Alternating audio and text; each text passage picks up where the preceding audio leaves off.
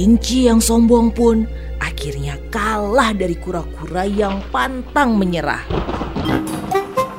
Aum, teriak singa sang raja hutan pada kawanan pemburu jahat tersebut.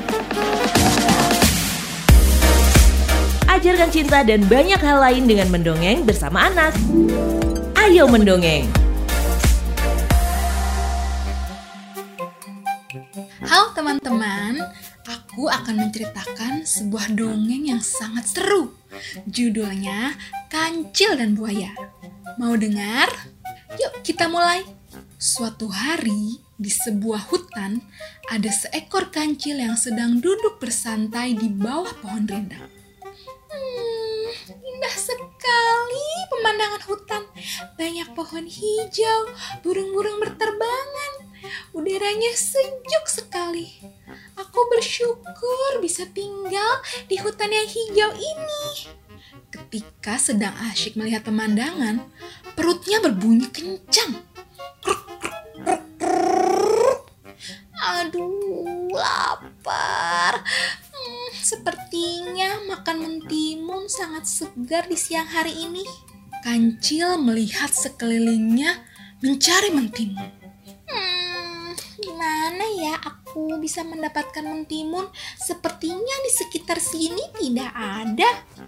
Kemudian ia melihat lagi dengan teliti. Hmm, apa tuh? Wah, itu dia.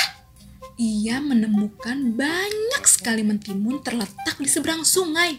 Akan tetapi, jika ingin ke sana, ia harus menyeberangi sungai yang dihuni banyak buaya.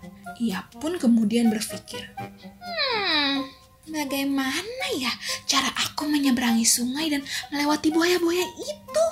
Hmm, kancil berpikir keras.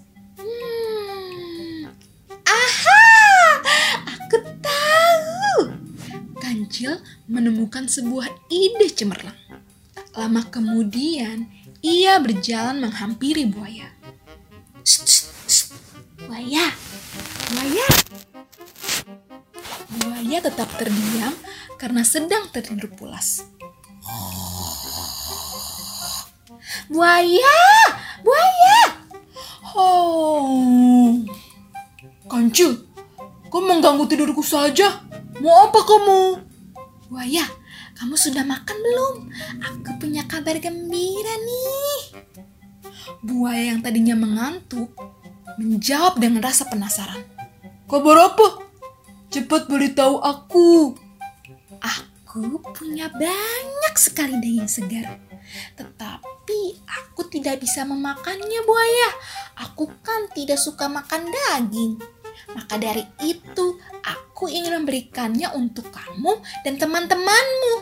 Wah, benarkah itu kancil? Wah, kebetulan sekali. Aku sangat lapar. Ikan-ikan hari ini entah pergi ke mana. Buaya menjawab sambil memegang perutnya dan terlihat sangat lapar. Kini, sekarang cepat panggilkan teman-temanmu ya, supaya aku bisa membagikannya. Wah, siap kancil. Tak kusangka ternyata kau sangat baik ya. Tunggu di sini, tunggu tunggu. Aku akan memanggil kawan-kawanku. Buaya pun segera berenang untuk memanggil teman-temannya. Tak lama kemudian, delapan ekor buaya sudah muncul di permukaan sungai. Melihat kedatangan buaya, kancil pun segera berkomando. Ayo, ayo buaya, semuanya berbaris yang rapi. Aku akan segera membagikan daging nih.